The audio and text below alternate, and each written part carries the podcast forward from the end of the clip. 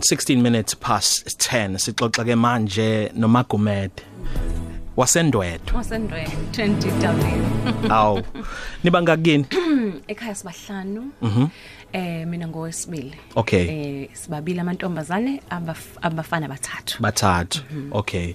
Ngiyamazi omunye ulungele lo obazayo owenza izichuse zabantu abahlukahlukene.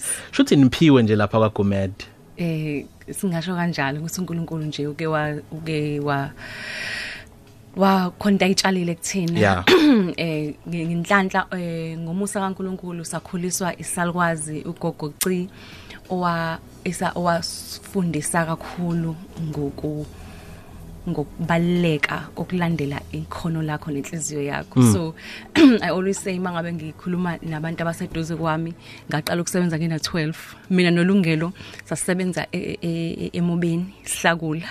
Ngina 12 Hayibo. yes. Umsebenzi wami nje oqala ngiqala ukusebenza ngina 12 years eh no cousin wami uSindi no no- nolungelo Mm. saqala lapho nje indaba yokusebenza so lokho kwaqala nje ngina 12 ngikaze ngistop from there. Ukusebenza nje. Ehe. Abe omunye umuntu angathi nje mhlawumbe ngiqale nje manje sengikwincone communications no. Lutho. Ngiqale nje ngi- ngi- ngi- ngi- ngingakabi ngisho yi teenage ugogo was expose ekubalekeni ngoba u- ubaba washiya sebancane kakhulu. Bengisathi ngizobuza ukuthi abazali bayaphila yini ngoba ngizwa ukhuluma ngogogo kakhulu. Mhm. uma wayetohoza ela eThekwini so sihlala nogogo thina ekhaya endwedwe. So kuqali lapho ke lento yokuyentshisekelo nanokubona ugogo wayesebenza kakhulu ngemisebenzi yezandla kutshalwe ekhaya kwenziwa yonke into. Besiphila kakhulu ngokutshala nayo yonke into. So ngiyashaya igeja. I know. I- inyanda nje makuthezwa into yaziyo futhi leyo kuyenza? Yeah siya i think i- i- i- yona i conversation eya eyenza u- u- u- uncwane amelte Hayibo. i'm telling you Kahle wena. athi hayi man akuhlangana nje lento engiyibona na- nalento engizwayo so Yeah.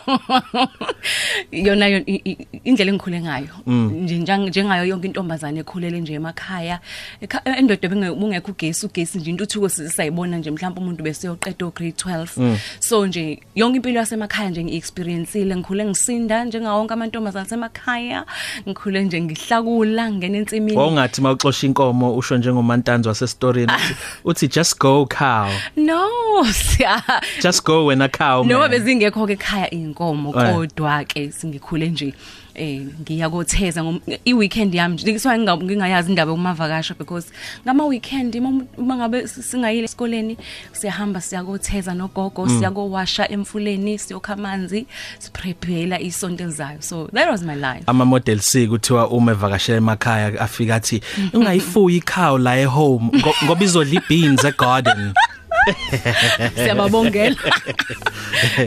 Uma uma uma usayintombazane nje no 12 awuthi mawucabanga uthi ufisa ukuba yini? Unzima ke lo muzi siya eh truly speaking ngangiyibona ngikumabona kude.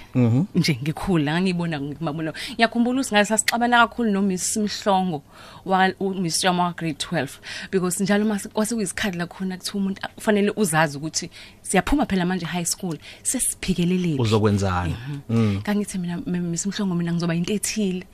Yazi indaba ngithi ngizoba into ethile. Because every time eh makukhulunywa nje kuhlangene mhlawumbe uzwa abantu abadala bexoxa eh usibani bani uthisha. Eh uma kasibani bani unesi ubaba kasibani bani uyiphoyisa.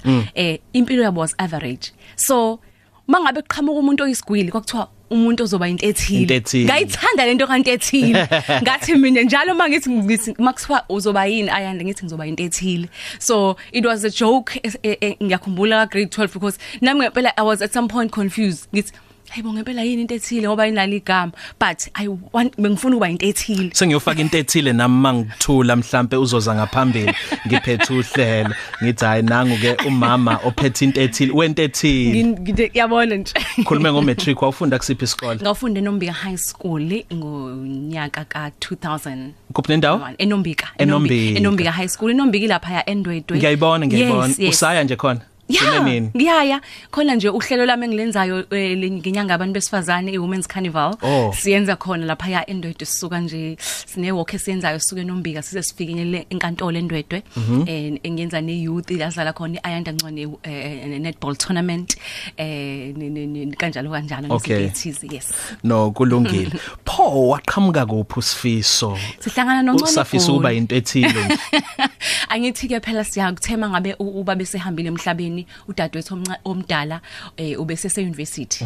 So uma uma ngabe saqhuluza amasento ukuthi afundise udadewethu kwacaca ukuthi nami sengiyaqeda esikoleni mangiqeda esikoleni angikwazi ukuhlala phansi Yeah. eh kwasho ukuthi e high school bengino bese ngiqale ngenza lezi zinto zo modela modela ozime ozimi Yebo. em ngase ngivele ngithi ayi nakho engi- ngizokungishaya ngaphakathi ngangenela ke uMiss Ndwedwe ngawina uMiss Ndwedwe ngawina uMiss Nombika ama- Kahle wena? yes Miss Ndwedwe? ngoMiss Ndwedwe kalokho ya Mhm. eh mangifika la eThekwini ngangenela uMiss Teen Durban eh ngamengenela no Miss Teen SA ngaleyo mnyaka iyona ke leyo ke yangithatha yangibeka egoli. Oh. ngayithola ngisegoli ngoye ngoye 2002 Yeah. eh la ngahlangana khona ke noncwane ngo 2002 nihlangana phi njalo Oh my Ni- God. nibamba iqueue niyothenga inkukhu ethosiwe. Lutho Nihlangana. awasibuza ubhuti sibulo mbuzo. Eh ngoku ngase ngisebenza e- enye yama restaurant asegoli ngoba ngangisaqoqa imali yokuthi ngiyofunda unyaka ozayo. So ke ngiyahamba ke sivalile kwakumsomluko ngiyakhumbula kahle ntambama sivalile eh, eh, asikho emsebenzini si- i day off mina nabangani bami siyahamba siyako siyakothenga ice cream nje down sayistrolela Yeah. nje kanti noncwane naye uzobe ihamba nabakhe abangani abangani Yeah. sahlangana kanjalo ke lo busuku lika ice cream ke olwavele nje lagcwala ushukela omningi kakhulu Yes. wabeka amazwi ambalwa noma nje kwavela ubungani baya ngokuya ngokuya nagcina senibona ukuthi hayi lobungani sebunento ethile. Funny enough wamncolo ngitshela on same day sibonana ukuthi nje mina uzoshada nami. Hayibo. asimhlekanga kanje nabangani bami. Yeah it was very fun wawubona vele ukuthi usifiso lo wegospel? Eh at that time ngangisazi ulundi mina kakhulu because mm. TV engekho ekhaya. Okay. so nganga nganga- ngangekho exposed ekuthenini kwenzakalani kwi gospel industry. Kanti naye wesafufusa ngaleso sikhathi. Naye uyafika ngwe year 2002 egoli. So me amese introduce ka mina ngosifiso culuko nayi bo mina ngazi ulundi ngithi athi yena ngathi mina ubuzokwenzani le goal yabo nje kube khona leyo conversation. Nyana ke eh the rest is history. Is history. Asibingelele kunabafundi basenhlongwane high but basuka olundi bathi othisha bawu12 ingane zu45 bathi sihambe kahle. Khona abanye abalaye ewindini abafowethu eh, omunye ufake lezi imbali ezigaxa emntanyeni zase Hawaii sanibona njani kodwa? Eh kuzwakala kancane ukumemeza kwenu siyanithanda bafowethu. Sizobuye sishuthe mase siqedile lapha ngaphandle. Siyabonga kakhulu. Ngiyabona ukuthi bayakuthokozela kakhulu nawe. Ingane isancanyana njenganabo labo sisi Yeah. abancane nje. Uyayufisa ukuthi ube isibonele esinjani kubona ngoba nje okokuqala into umuntu ayiqaphelisisayo ngawe ngale kokuthi umuhle nje uayanda Yeah. kodwa nawe uziphatha kahle indlela nje appearance yakhe indlela ogqoka ngayo izothile iyahlonipheka. Hayi futhi siya ayikho into ebaleka njengaleyo ngihlala ngithi eh mhlawumbe mangikhuluma noza kwethu abaseduze kwami eh immediately unku- uNkulunkulu ekubeke eh, ku- ku ku- spotlight you have a responsibility. Ngoba kunomuntu every day ovuka kubuke. Indlela onyathela ngayo indlela oyipresenta ngayo.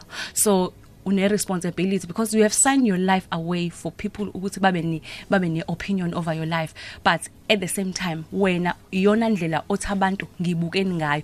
Uyisibuko sabantu. Before uzuvula umlomo uthi mina nguayanda ncwane ngithatheni kanje. Abantu babuka indlela oyiyona. So mina ah, abantu abaningi abesifazane eh, ah, eh, abangitshela mihla namalanga ukuthi ngiyaba inspireisha indlela nami engingasho ukuthi ngiyiyona but abangibuka ni- am- inyathelo zami on a daily basis Yeah. but ngiyafusa ukuba ulosisi masengikhulile. Nabase nase baba ku age yami bathi kodwa ayanda i- indlela one courage ngayo nendlela ophokophele ngayo empilweni nangendlela oyiqoqe ngayo siyafisa ukuba nje. Bakhona abesifazana abakudlela umono bekunenkulumo bekunesithangami ngolwesine ohlelweni sithakela isizwe. Lapho khona ohlelweni lwenziwa uBK u- u- uZil kade eletha abesifazana abahlukahlukene kuzokhulunywa ngomona nokucindezelana phakathi kwabasifazana bebodwana. Bakhona abakudlela umona bathi uyitshela ubani? Uyitshela ukuthi ubani kodwa ayanda nje? Njobe sele nemali kaSifiso nje. Yam Jesus. Kho- khona into enjalo? Yay! Ah. Khuluma ayanda. Eh but siya i think noma bekhona ngi- ngi- ngi- ngi- ngi overwhelmed kakhulu laba Abancomayo. ngithanda kakhulu laba abancomayo. Ngoba bayidlanzana siyangeke ngize ngiqambela amanga liyayilithini idlanzana A- aba laba bayidlanzana eh enye imnyinye ye- yele- ye- ye- yezinto ema message engawathola nje abhlungu kakhulu.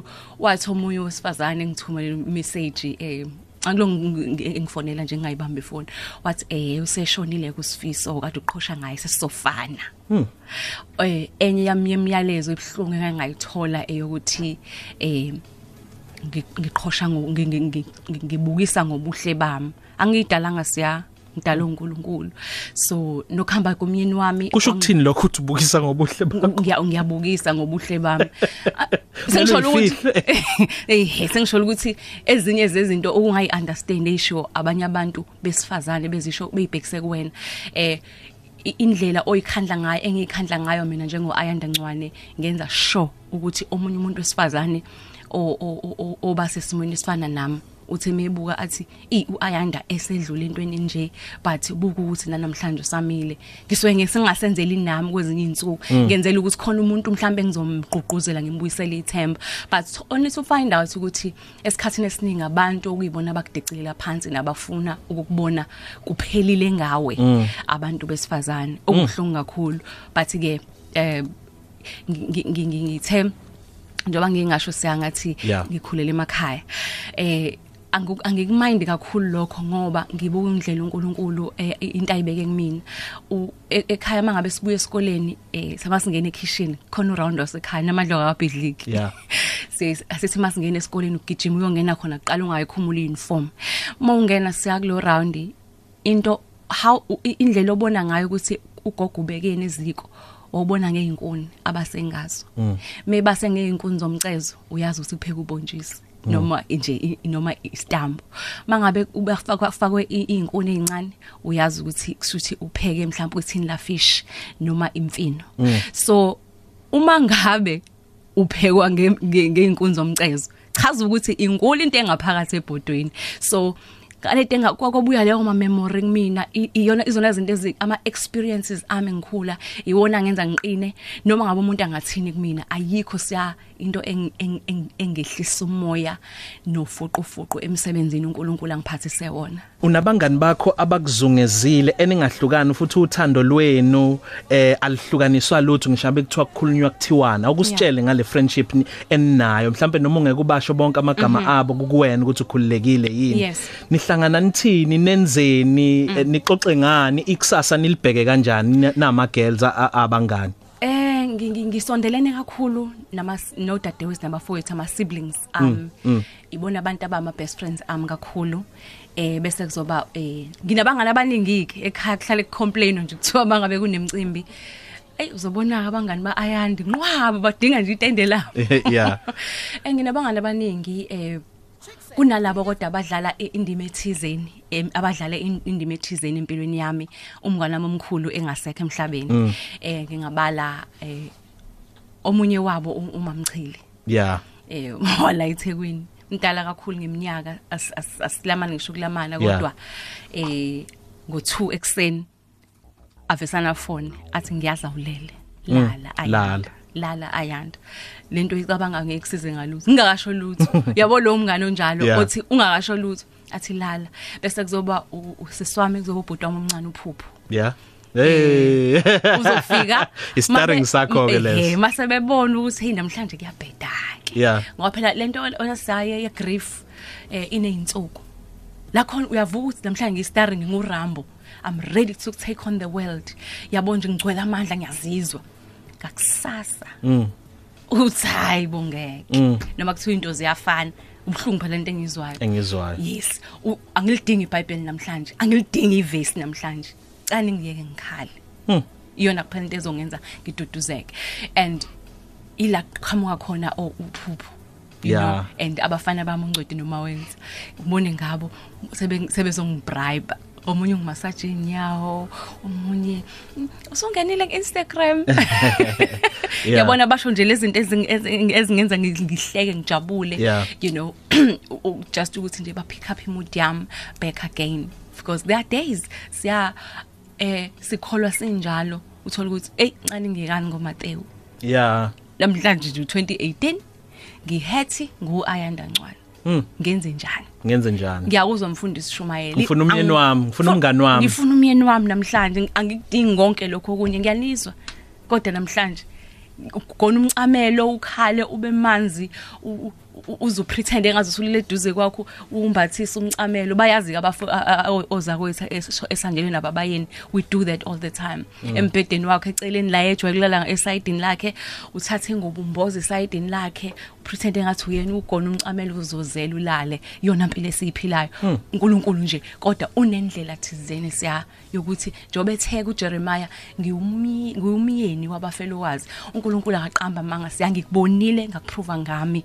Kodwa it's a responsibility for one ukuthi ayithathe ukuthi ngempela uNkulunkulu uchaza ukuthini mawuthi umyeni wabafelokazi. Ngeke ngabuka iresponsibility kancane.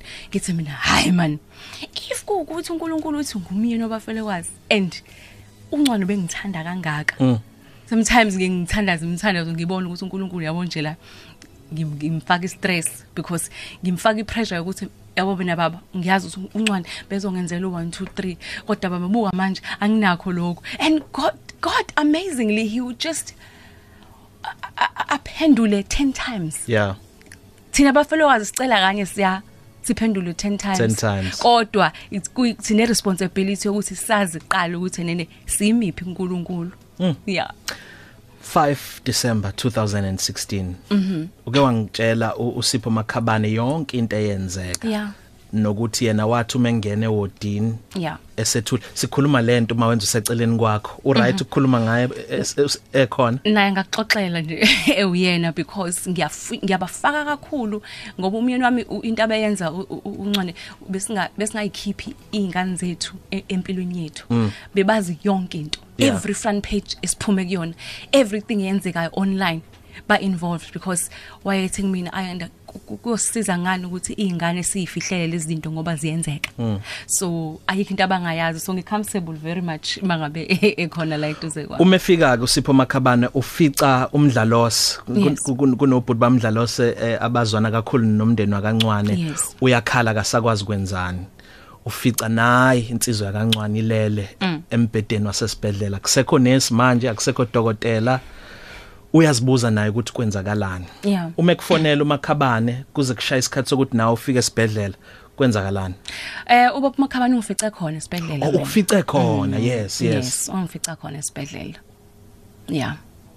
So enye I, I think ngichaza kahle encwadini yami ezophuma siya le ndaba ngoba ij- ijule kakhulu you know eh kuni ku- ku- ku- ngiyafisa usifisa ube ube umuntu wabantu kakhulu eh ngine responsibility ejulile eSouth Africa ngoba uncwane ube nobudlelwane obupersonal nabalandeli bakhe number 1 so ngine responsibility ethe ukuthi xaxa mhlambe kunabanye a- eh, a- a- abafelokazi ngoba ngi- kufanele ukuthi as much as ngi- ngi- ngi- ngi- ngi- ngi- ngiba busy ni- ni- ni- nomsebenzi wami encane communications. Kodwa kube kube khona into abazozizwe ngathi ba attached kuyo. So lencwadi engiyibhalile ina every single detail kancwane ekhula ngihlale nawo it's more like a documentary ngihlale nawo bonke abantu abadlala indima empilweni yakhe eh es- ekhula engene em- emculweni enza yonke into. Just ukuthi umuntu athi mina lencwadi athi hayi yeah hayi ngathi ngihleli naye uqobo endlini you know? So ngeke ngiphawule kakhulu okuningi ngiyafisa ukuthi umuntu aha- a- ayithole lencwadi izophuma very soon. Angishaya marketing njalo siya. Nami nami- nami ngeke ngibuze ngoba ngiya- ngiyaqonda ukuthi umzuzu ongakubuyisela umunyu kodwa Yeah. mhlambe ngivumele nje khona la ungitshele khona ukuthi nase nimvusa. Amanesi nodokotela bamanye amawodi esibhedlela nimvusa nithi musuku sihlaza neSouth Africa wesifisa angithi uvuka angithi u- u- lo muntu ab- a- onesi a- laba aba- aba aba- aba- be- be- be- bala lethu ba- bayamazi. Number 1 mangena usaziwayo esibhedlela nabo banako lonto uthi ah esibhedlela sethu bekufona bekhona uncwane. So bekwazi wonke umuntu ukuthi njawo kungena uncwane ebusuku izolo yabo? Yeah. beza abanye bezombingelela ngoba phela wengene e e- right esayikhulumela. Yeah. nani nani. So ekseni mangabe e- e- esehambile samanze isibhedlela from ama security ezansi kwanyuka wonke umuntu. Nombani uthi ngifuna ukuyibonela ukuthi ikhona yini ngempela lento eshiwoyo. So i think umhlaba not just ka Ayanda not just umndeni kancwane Um- umuntu oba obemazi uncwane umhlaba wakhe wamela ngalola suku you know. I, I think mhlambe ngafonelwa ngafonelwa usibunga aqale ngaf- ngafonelwa unqubeko mbatha. Yeah. eh wathi iqiniso lento ngase ngifonelwa usibu Buthelezi. Wathi upakile eh inqonda ayisebenzi akazi ukuthi enze njani. Iqiniso yini lento ayizwayo? Uqinisile uma uthi umhlaba wamanse yeah wama kakhulu sa ngoba mina ngathi ngale ngathi ngithi phela siyakholwa. Usala lento ukuthi nje uzokhuluma ngezilimi thizini khona uhlobo lwezilimi ozolusha avuke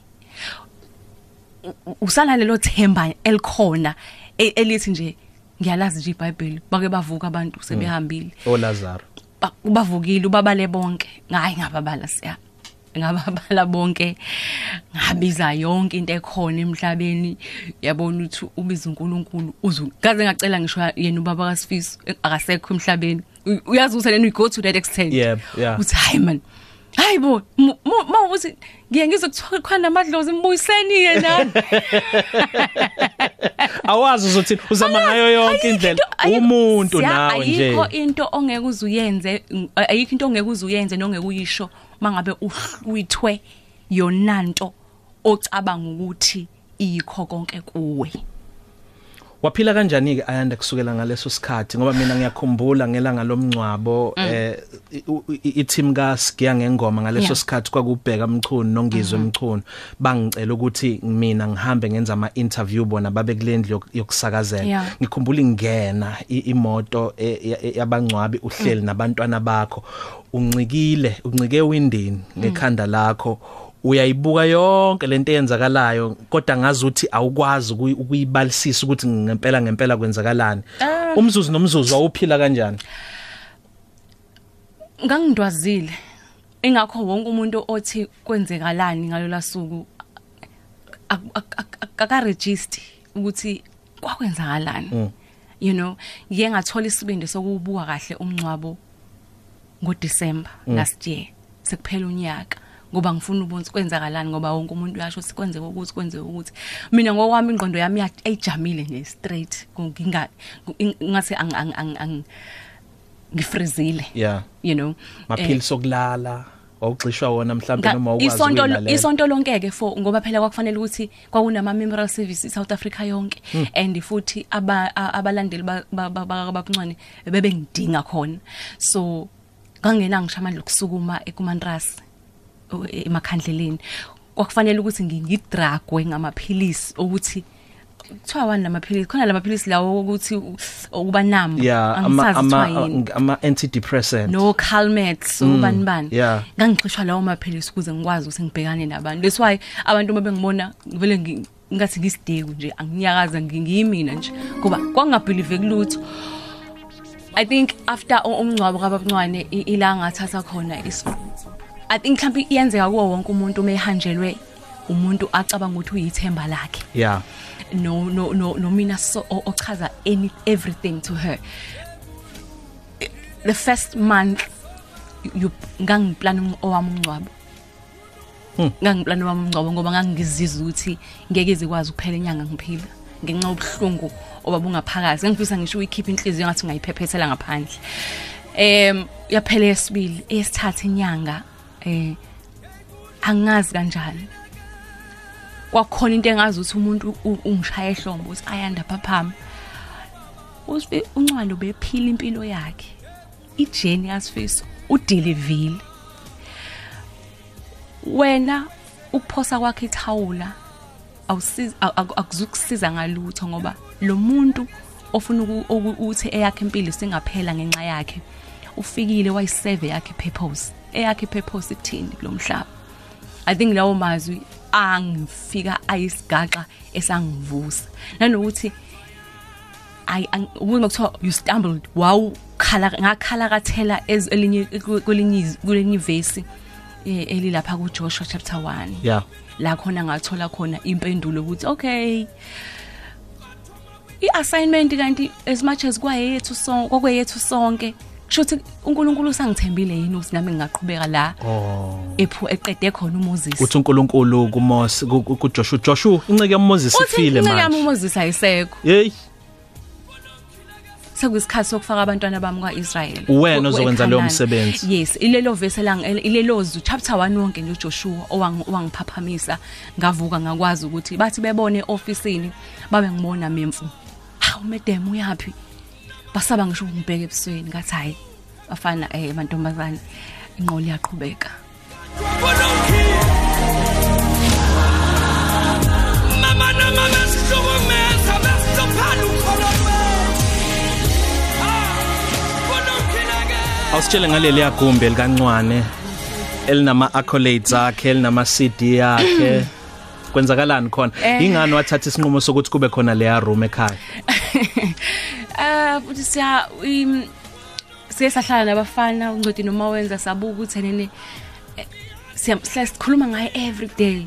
Ubaba ngoba ngifuna ukuthi abafana bakhule bazi kahle ukuthi beqonde ukuthi babezalo ubani hase sibuku indlela aye aye i- i- izinto zonke ayezithanda hase sithathe decide ukuthi sithathe elinye lamagumbi. Ekhaya kancane.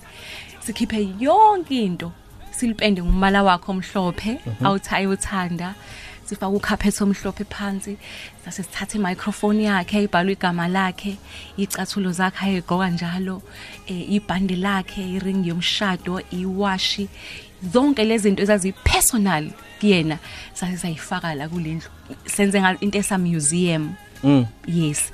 Ama awards akhe amanye ayo ayike ayonawo ke wabutha ke hayi wa- wa- ubuthe ngasekho ke khona i, i, i song of the year ngaleso sikhathi ayibizwa nge record of the Record year of the yama year, South kuma African South. Music Awards okwakuvota kwakuqala nqa nqa ukuthi owe gospel Anominated I win. waphinda win. ngangikhona lapha e Super Bowl e Sun City 2013 i think eh, i- i- in general ngaphandle kwaleyo ndondo kancwane ekuyiyona inkulu nazo zonke ama award esinawo endlini Ku- ku- i- i- i- i- a- a- i- i- impumelelo kabancwane musu uthi uyibheka manje usuyibheka ngehlo nje esengasekho uyabunga ungazi ukuthi kwakumuntu owayenomyalezo thizeni ukuthi phangisa ndoda ngoba wena neminyaka emincane. Eh ngiye ngihlima ngihlele ngibuka yonke into ayenzile ngenza ibio i- i- i- ibiography yakhe ngelinye ilanga ngathi mina hayi man lento bekufanele ngabe ngiyibhala ubamncane eseno 8 kodwa manje ifitha exactly ibiography yomuntu ono 80 something years le. Kodwa manje umuntu ono 37 years lo ngibhala ngaye kanjena A- akuyenzi ingqondo. Kanti ke ilanga uphendule kakhona ukuthi iplan kaNkuluNkulu ayifani yethu. Ufikile wazokwenza into ayayithunyele kulomhlaba uNkulunkulu wathi ndodana uqedile. Sihleka lo mbuzo ongenayo manje. Ngithi mina hey bekunehlaya ebecishe ngalisho. Ngesikhathi abathandwa becula bengifuna ukuconfirm ukuthi bagqoke bonke ama tracksuit Athasiya hey uthi ke lo mbuzo ongena uthi DM sakazi ngicela ungibuzele ayanda ukuthi uma ithuba lokuthi athole uma sihlekisane angaphinda shade yini futhi uMr CT maluleke?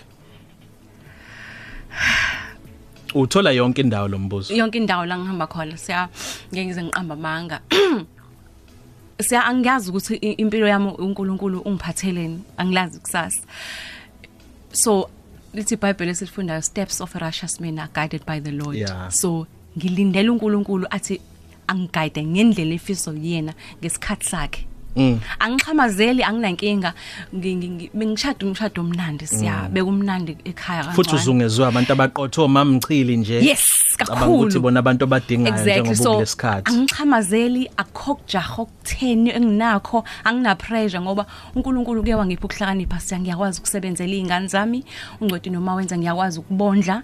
Eh so mhlawumbe omunye umfelokazi uyayaphushwe siya ngoba ngiyahlangana kakhulu noza kwethu abahanjelwa abayeni. Uthola ukuthi umuntu uthatha isinqumo sokuthi aphinda ganwe masishane ngenxa yokuthini? Izingane zilambile kwayena ulambile ashode nangeroloni yokufaka emakhwapheni so izimo eziningi ezenza umuntu wesifazane aphinda gane omunye uthola ukuthi mayiqeda ukukhumula inzilo mhlambe kulaba aba observe amasiko kuthiwe eh, usuzongenwa.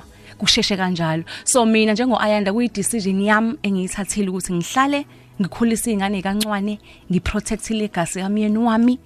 Up until uNkulunkulu mangabe God will I always say uNkulunkulu mayevumile engibekela umuntu okuyena oyokwazi ukungithanda. Ngoba u- u- u- uncwane wayena talent amathathu siya wayena talent lokucula nethalente lenhlonipho bese ba nethalente lokungithanda ah. So ke angazi noma uyoba khona yini umuntu oyoba nalelo talent lokungithanda mina engakusho yeah. Singenaphi uma kukuthi uyakhetha? Yeah. ukwenza lokho ngoba umuntu wesifazane. Angicabanga ukuthi sekumele sihlale siphila sithi ke ehe sekumele sekunjalo sekuzoba uyena akuyena. Ak- ak- akuhlangene Se- I nathi think saloku umyeni wami ehambile kubaningi abantu bengingimataniswa nabantu abahlukahlukene besilisa yeah. kuthiwa mhlambe nje njengoba kuthiwa nje ngina ngihamba nawe siya Yeah. ngibonakale nawe ngine meeting umuntu ongibone lapho ngoba ngi- angisenamyeni I- iyona ndlela ke thina abantu besifazane abashonelwa abayeni esihlukumezeka ngayo every day. Awusakwazi ukubingelela omunye umuntu wesilisa because immediately ngine conversation nawe or ngihleka nawe sengijola nawe. A- ihlukumeza siya as far as sihlukumezeka even emabandleni esikhonza kuwo. Awukwazi ukubingelela abanye abantu ekade nikwazi ukubabingelela umyeni wakhe esaphila. Awukwazi ukuhlala esihlalweni ekade uhleli kusona umyeni wakhe esaphila. Awusakwazi ukukhuluma ngendlela oteketisa ngayo kade umyeni wakhe esaphila. Nga- ngathi i-identity yakho njengomuntu wesifazane uyahlwithwa yona you know? U- ubuhlungu esidlula kubona e- e- e- esihlezi mangabe sihlangana nanoza kwethu sibukhuluma ukuthi sikhulekela ukuthi siyafisa ukuthi ezethu izingane lobu buhlungu esibuzwayo thina njengabafelokazi zingathi go through yona you know eh angikumind ke lokho siya people can talk how they want but mina ngiya- ngiyazazi indlela engihlonipha ngileti siya ngikhuliswe kahle kagumede I I know exactly ukuthi what is it that I need to do. Nanokuthi mhlambe ke siya uNkulunkulu mhlazane e- e- engibona kukhona ongifanele.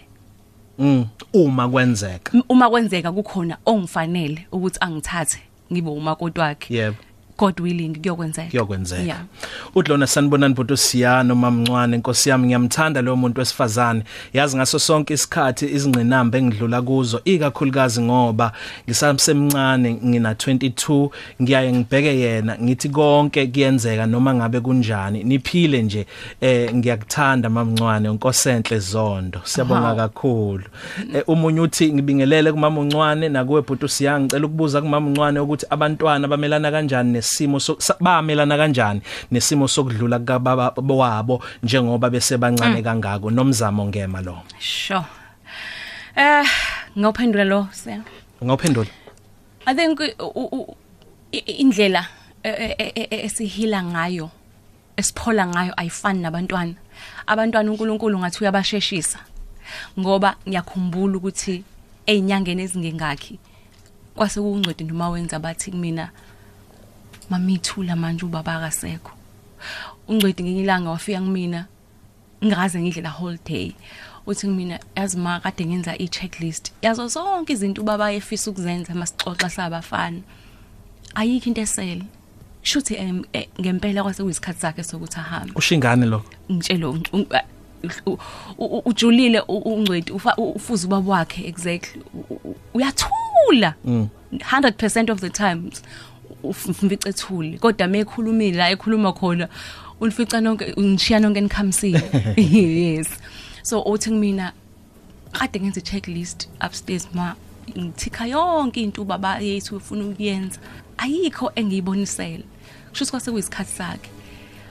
Ngavuka lapho ngahamba ngahlwitha iwig yami ngayifaka. Yes. Yes. Ngathi girl. Sebenza girl ngathi girl. You know what? The lord has spoken. Through my son uNkulunkulu ukhulumile. Umyeni wami usebenzile in fact angimbonga uNkulunkulu ngoba khona ngempela uthola ukuthi ushada inyanga eyodwa ahambe umyeni wakhe. Hey. mina ake ngi- ake ngibonga uNkulunkulu ngobuhle angenzele bona bokuthi ngienjoy umshado wami ephila. Khona abantu futhi siya abaoza kwethu abashonela abayini babo athi umyeni wakhe ngene emhlabathini ngendlela kade imhlupha ngayo. Athi baba ngiyabonga. Kodwa mina akwenzeka ngalokho umyeni wami wangiphatha ngesizotha wangihlonipha wangenza wang- wasebenza nami wangabukisa ngami ezweni ngoba abantu abantu besilisa abasifazane bakuyabukiswa ngabo ngaphandle. Wangihlonipha kwazi kwawusuku lakhe lokugcina ngicabanga ukuthi usubona ngenye indlela umusa kaNkuluNkulu mawuthi we yebo kusabhlungu kwesinye isikhathi mangicabanga ngakho. Kodwa inkosi ngikwazi nak- nokuhleka. Ngikwazi nokuseya umusa kaNkuluNkulu eh u understand ngenye indlela mangabe u- uphuma esimweni esithizeni esijule nge- nge- ngendlela e- e- yesimo engiphuma kusona. Yeah. awuthathi for granted. Yeah. Eh, in fact lonke usuku oluphilayo u- u appreciate into encane enginoma into encane. Yabo mina a comment from u- u social media. Ngi appreciate that much because ngi- ngi- ngibonile ukubaleka bomusa kaNkuluNkulu you know? Yeah. yes. Ngifuna ukungena la ama emails ukhona ukuthi sabona siya uthandeka mathe enkandla. Kuyangijabulisa ukuthi namhlanje sis Ayanda Ncwane she's my role model. Qhubeka uqine mbokodo yethu ngikuthanda lento engachazeki. Wow. Baningi ke. Omunye uthi sawubona siyano mamncwane ngilalele uhlelo ngifuna ukusho ukuthi ngiyamthanda lo wesifazane. Uthi ungomunye wesifazane abanamandla. Uthi ngaso sonke isikhathi uma ngimbona ngibona owesifazane owaziqoqa wasukuma. Uthi ngibona owesifazane othandazayo owesifazane okholwayo owesifazane ohlakaniphile. Uthi ngifisa ukwazi ukuthi ngifuna ukuyibeka ngendlela abhale ngayo. What's her going place where she feels when she feels down? Ikuphi nje la ufika uyindlale khona uyilahle khona? Uma uzizwa ukuthi akumnandi ke namhlanje empilweni. Ng- ng- akukona ukuthi umyeni wami ngoba eh, wayecula. Yeah. Kodwa ngicabanga ukuthi imiyalezo yeyingoma asishiye nazo ungafunga ukuthi wayibhalele mina i- iningi lazo. Yeah. Ama lyrics i- i- i- i- la la ngithi go to my go to place njengoba Yeah. esho dadewethu Yeah. Ngi- ngi- ngiyengene ekamelweni noma ngingena emotweni. Ulalele. Ngihlala just ngihlale nje ama hour ngi ngi- ngi- ngi- ngiworshiphe ngimbonga uNkulunkulu ngikhale ngi- ngizanelise uyayikhumbula le. Uyapi lapho ngiyazanelisa kakhulu siyangu ukukhala because I- I- I- ngi- ngi- ngiya ngiye ngizwe kakhulu kuthiwa ziqinise. Ey asilibhekeni bakwethu leli gama lokuthi asiyiqiniseni eh ngoba khona usuku la khona kuvele kubhamuke konke lokuyiqinisa ngoba khona isikhathi la ngeke ngayiqinisa khona for isikhathi eside. Yabona uma usubambe into isifuthelene kakhulu Yeah. ibhamuka khona iswisi dangerous so ng- asingathi abantu abayiqinise. Umuntu manje ngabe e- e- efila ngendlela yokuthi kuthi akahayize miyekeni ahayize Ahayize. ayikhiphe lento engaphakathi akhale ukuze kukudlula akwazi uq- akwazi ukuqhubeka nempilo ngoba suke selinezingane siya kufanele sikhulise lezi zingane Yeah. Eh, mhlawumbe abanye ke utho- uthola ukuthi bane abanenhlanhla zawo umyeni wakhe usuke mhlawumbe esebenza enkampanini imshiye nemali mina umyeni wami ube umculi ube ube behola imali ngena kwancane ngokuthi angene stage. Yeah. manje angikwazi ukumvusa lapha eHillcrest la ilele khona ngithi akayi stage. Hey. so ngisele na ungcwedi noma wenza kufa- akufanele ba drop istandard sempilo. Nami ngayitshela futhi ukuthi em ngayenza i-decisions yayo ukuthi I- I don't want u- ukuhleshukelwa yiqhox uNkulunkulu ungiphe izandla ungiphe inyawo kunalo kuna ngizofaka elbovu Ngizo- ngaphansi ngifuna- i-red Yes, bottom. Ngizofaka igiye liya phambili uyangizwa yini? kunalokho ngizofaka i-red bottom yes ngizofaka i-red bottom you understand? Because nga understand into ukuthi nene as much as uNkulunkulu besiphe sobabili no- no- no- nomyeni wami kodwa akasekho umyeni wami njengamanje. Akuchaza ukuthi ayami impilo ayiphi ayibuyele emuva. I must fight forward Ak- ak- ak- akufiki la khona uthi animeni ngosifiso nguayanda ngingedwa. aba ku social media kuke kwaba khona ukuthi uyacompete nomyeni wakho. Akukufikeli yini nawe lokho ukuthi ake ningimele ngosifiso siya? Awungibizela ngizoxoxa ngosifiso. Ngicela ukukhuluma ngami ngoayanda.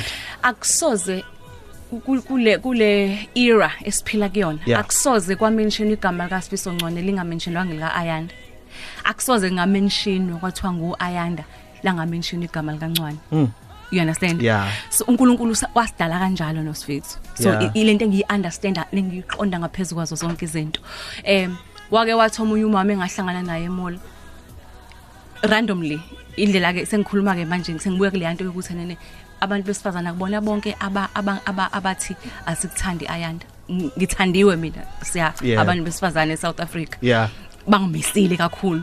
Uthi lo mama kumina eh wemntanami kade ngikubuka ngimi la nje ngiyakubuka.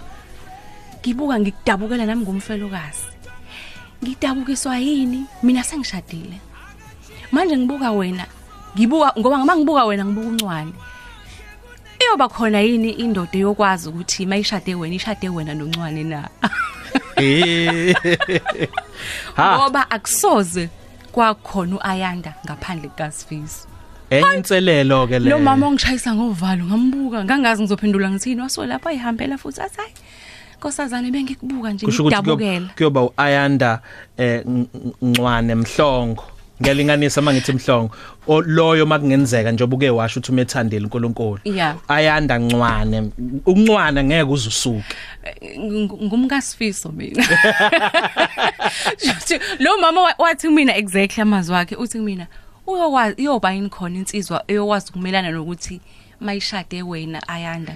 Kofana nokuthi ishade wena ishade nosifiso. Nosifiso. Hey abathandwa ehe moya wami. Yeah. Ibingekho kuwe into noma into mhlawumbe abantu abayishoyo ukuthi uyoyithola lapha enye hit ngoba u- usifisa kasekho ngicela nikwenze uma iqhamuka le hit yabathandwa. isikhathi Ngiyazi uma ngifikelwa ubona yilento yokuthi isasaseliza ngibathanda, ngesikhathi ufuna ukubheka esethulu phezulu, phezulu Yeah. wawufuna Futhi yonke ngiyabonga, into ngisho ngiyabonga. nalokuthi ngeke ngizwe Ngeke kuthiwa kunabantu ngiqamba amanga, ababadloza ngikholwa impela bavusa siya. yes angeke ngize ngiyabo nje lokho ang- Yeah. anginanazi Yeah. ngikusho ngeqholo linenkosi phakathi.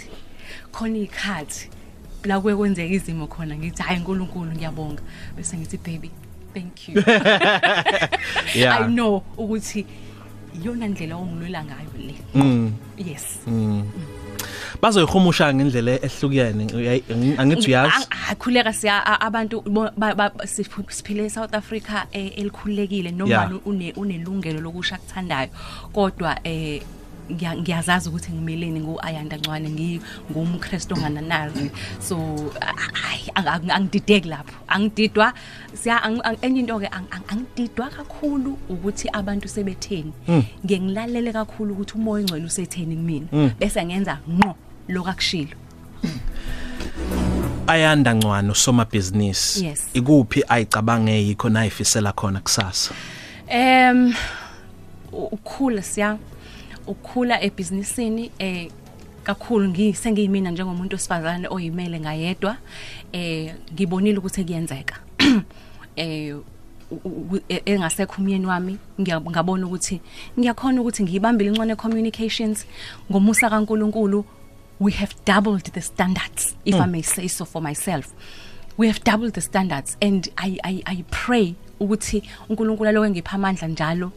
Neyinselele maziza ngikwazi ukubhekana nazo ngqo ngingayibalekeli. Ngikwazi ukuthi ngoba kukhulwa kanjalo ebusinessini Uku- for me ukuthi ngikhule unku- i- iy'nselele engibhekana nazo ngikwazi ukuthi ngingayidoji ngi- ngimelane nazo zidlule bese ngibhekana nezingaphezulu ngoba ngi-understand futhi nokuthi ngeke ngikwazi ukukhula ngaphandle kwazi inselelo Yeah. yes. Kodwa ngiyazi ukuthi kunento uNkulunkulu angiphathise yona e- e- e- e- angime- ang- ang- angeke ngayichaza manje ukuthi yini. Kodwa Yeah. ng- ngiyazi ngoba sengi- sengi- sengizwile emahlombe ami ukuthi ngiyasindwa. Khona lento engisindwa eng- engiyisindwayo eh, ngelinye ilanga mhlambe neSouth Africa uyi experience uyakhumbula ngo2010 ungicela imeeting uthi ufuna ngibe kuyicover ya magazine mangiqala isambulo icover yokuqala kwakukhona usifiso. Ngajima ngaze ngayeka. Namanje ngisalindile. Enye into ke siya. Yebo i-assignment yami njengo-ayanda ne-assignment kankulunkulu into eyingafani. Yebo. nganginephupho thizeni nami. Kuthe unkulunkulu uma ngabe umoya engcwele ekhuluma kumina ethi ngelinye ilanga ngidesignele ukuthi uzophamparisha iministry kancwane. Angiyi-understandanga leyo message up until yonke into engangithi ngiyayiqala ibhidlike. Njalo uma ngithi ngenza enye into eceleni yayibhidlika siya. Kangangokuba the day ngi-accept ukuthi yazini lesi sikhathi uNkulunkulu ungibizele ukuthi ngizosebenza iministry kancwane and ngempela the day ngithi hands down ngishiya yonke into engangiyenza eceleni ngiba full on ekuphatheni umsebenzi kamyeni wami. Waqala ama results abonakala nga- nga- ngangisebenza as a personal brand manager kababuncwane and ubabuncwane was insisting ukuthi ephoqelela ukuthi ngibe personal assistant ukuze sikwazi ukutravela ndawo. Yebo. so kuthe mangabe ngiyempela ngilalela umoya engcwele ngize ngiaccept ukuthi hayi vele uma ngithi ngiqala into a- a- ayiphumeleli ivele iphihlike ngihathi ngisayakha. Nga accept ijoka ngalithwala ngangena ngempela ngasebenza e- emsebenzini yami wami. From that day siya akuphindanga izinto zafana. Yonke into esasiyithinta nomyeni wami iSouth Africa ufakazi kwakuvele kuphuma igolide lisimanga phuma idiamond elisimanga uze wahamba emhlabeni sisebenzisana and ngi- ngi- ngiyambonga uNkulunkulu ukuthi ngakwazi ukulalela mangabe ethi yeka yonke into wena ngikubizela ukuthi uzophatha umsebenzi kamyeni wakho. Ngiyakubona ukuthi nawe namaphupho kanti uyazi uNkulunkulu ukuthi l- phatha la ngoba isikhathi sincane usazoqhubeka nempilo uf- amaphupha amaphupho akho usazowafeza ngelinye ilanga. Ngangaziki kanti uNkulunkulu nenye iplana nayo 0893109193 bingelele nje ubuza umbuzo ngicela ungicimele iradio yakho ngiyacela. Ngizophoqeleka ukuthi ngidlulele komunye uma ungenzi njalo 0893109193 usokhozini sawubona Njomane uyaphila. siyaphila njani ma ngicungifakela ama Ah headphones ngiyaphila ngaze ngabusa ukusebenza uAyanda Ncwane ukhuluma novuso kanyana amafahlawane eNewcastle. Hawu ngiyambonga nje ngiyamthanda leyo sisi Nkosi yami. Nama ke Nkosi yami inkingeni ethi nakhuluma ngazo kodwa ke nje ukhombisa ukuba strong. Akabe strong njabe umama bembokodo enhle ngiyabonga ukuthi ya ubhuso kanyana. siyabonga kakhulu siyabonga asiye komunye usokhozini sawubona usokhozini sawubona Khosi FM sawubona. Siyaphila njani? Molo busiya. yebo. Safuna busiya njani? siyaphila njani sisi Setra ngincede kwayimana esidakara Eastern Cape. yebo. Andinambuzo futhi ndiyamthanda umama uncwane yazi. Ngiyamthanda lo mama lona and u strong ufuna uThixo ahlale emgcinile aqhubeka abe strong abe njeni. wow. Siyabonga kakhulu. siyabonga. Ukhosi sawubona. Awu yebo samhlongo kunjani bese? Siyaphila njani? Ukhuluma nophimali phatha uyamnyama uqwabela kampumuza esigudini sakwaladuma. Niyaphila wesis ayanda niyaphila kodwa ngiyaphika ngiyaphila phakathi kwayo ya ya hayi kuzibuzela nje umbuzo o- o- o- omunye umbuzo uthi eh wawuthi umuntu uhleli nje nasiso ncane mhlawumbe uma usuku uma usumenzela mhlawumbe u- u- u- ukudla kwakhe akuthandayo i- ikuphi ukudla nje a- a- a- angekhuza ayithanda nje? U- u- akwathi kuyisela ngathi lesishudi impela impela nje U- u- uba kuncane wayedla ngezandla abantu into abangayazi. Umdidi umqede mangabe umnika ifork and knife. Ngoba kanti nje ukudla nje ayekho ayithanda wayedla wayedla oyethanda amanqina ethanda uphuthu. Athanda Amanqina nophuthu. athanda amadombolo so nawe na gain okuhleze nje kancane kancane ngimphekele mangifuna umthinta emanonini ngizomphekela imfino ngimphekele isigwaqane ngimphekele ama- a- a- amanqina. So ikona kudla ekuthokozela bese uyahambisa uyofaka lapha erumini hayi ngikele ngiyazibongela kakhulu. Ngiyabonga phakathi kwayo thank you. Ngiyidlalela ngiyidlalela njalo ngoba ang- ang- nginalento yokuthi abanye bazothi uyithathisa komsamo othile leya room U- umuseum siya i think uma ngabe uonara umuntu okade eyiqhawe Yeah. Eh, thina sakwenza ngakwenza kwamgomo kumina ukuthi u- u- uncwane wayeyiqhawe endlini thina before aphinde afike ebantwini.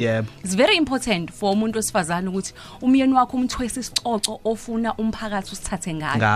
Indlela abantu ababemthatha ngayo uncwane ngaphandle. Bethweswa yimini iziqe endlini Ah. ngimthweselele ngemkhuleko avuke ngimtshela ukuthi uyinkosi kangakanani unamandla angakanani so iyona into engiyenzayo uthe mesehambile kumina kuhambe uncwane umyeni wami kwahamba iqhawe lamaqhawe. So ingakho endlini sino museum ila sifika khona sihlale nabantu nabafana bami. Nikhumbule lezi sikhumbule ayikhathi. lezi ayikhathi Ah. usawukhumbula usam 91 bot sesivalelisa eh? Ithini Instagram yakho uyabakhuthaza ku social media. Ngoba ngiyazi uke wavula uInstagram wavele wakhula ngesibalo sabalaleli sabantu abamlandelayo. Uya- uyamkhuthaza ukuthi awusebenzise? Ngiyabakhuthaza kodwa ngenxa ye- uma bezobhala ama exams ngiyaye ngiba ngiyaye ngiba Baphume. Yeah. mhm. So ba focus eincwadini zesikole ngoba ubaba baba wayengafundanga. So wayehleze lishumayela ivangeli lokuthi Abafundi. bafani bami ngifuna nifunde. Yabancede mina ngifundile. Bakhona abangani bakho ufuna ubabingelela usemoyeni manje? sondela kwimic. Yesa uyasaba. Awugcina sisayanda kubalaleli bakho abaningi ushilo. Bayakuthanda. Abayingcosana bazoloku bekhuluma loyo monyana. Bonke abantu kodwa ufisa ukuthini kubona? Ngiyabathanda bonke abantu siya. Nabo laba ah, mhlambe abambuku ayanda bangamthandi ngezathu ezithile mhlawumbe aba- a- a- engingazazi mina. Ngiyabathanda nabo. Bayicebo likaNkuluNkulu empilweni yami. Ngihlale ngisho njalo. Eh for me ukuthi ngikhule kufanele ngibhekane nezimo ezithile so mabengekho bona angizokwazi ukubhekana. So ba- basecebweni likaNkuluNkulu ekukhuleni kwami. Ngokomoya nangokwenyama. So angiba mind at all. So njengomuntu owenza marketing ke bayasibooster thina kakhulu Yebo. ngokuthi njalo kancane kancane ukuhleze kukhulunywa ngawo Every Angikho-ke- publicity is good ang- angu- publicity. ngikho ke lapho namhlanje eh Siyabonga. eh, engifisa kakhulu ukwazi siyawa ukuthi nene uNkulunkulu ukhonto ayibekile kuwona wonke umuntu eh ophila emhlabeni ungal ungayithathi ka- ungayithathi kancane uma ngabe khonto iluzile more especially thina abantu besifazane ngoba ngihlanganile siya kakhulu nabantu besifazane abafana njengama sebelahlekelwa abayeni ababona ukuthi impilo yabo isiphelile. Ngifuna ukuthi kuboza kwethu ngicela nazi ukuthi kunephupho uNkulunkulu kunento enkulu uNkulunkulu ayish- ayitshale kuwe. Sekuyisikhathi sokuthi uvuke ntombazane kulezo ingubo kulezo inyembezi. Uma ukuthi uyabona ukuthi akugijimeki nya- nyathela kancane. Kancane. uma kusanyathele kancane guqa ngamadolo. Uma ngasaguqe ngamadolo zehudule ngoba sikho isikhathi sokuma uyibophe i- i- i- i- ilonda zakho uyibophe u- u- u- uyinese. Lethama unese ilonda no- nobuhlungu odlula kubona. Usathane has a tendency yokuthi athi come back and strike again. Don't give him a chance to strike again. Wake up and and, and make sure ukuthi you fight forward. Ha Siphiwe qedile. amandla. siyabonga kakhulu Ayanda. ngiyabonga futhi siya Ukhosi FM. Nosiamhlongo.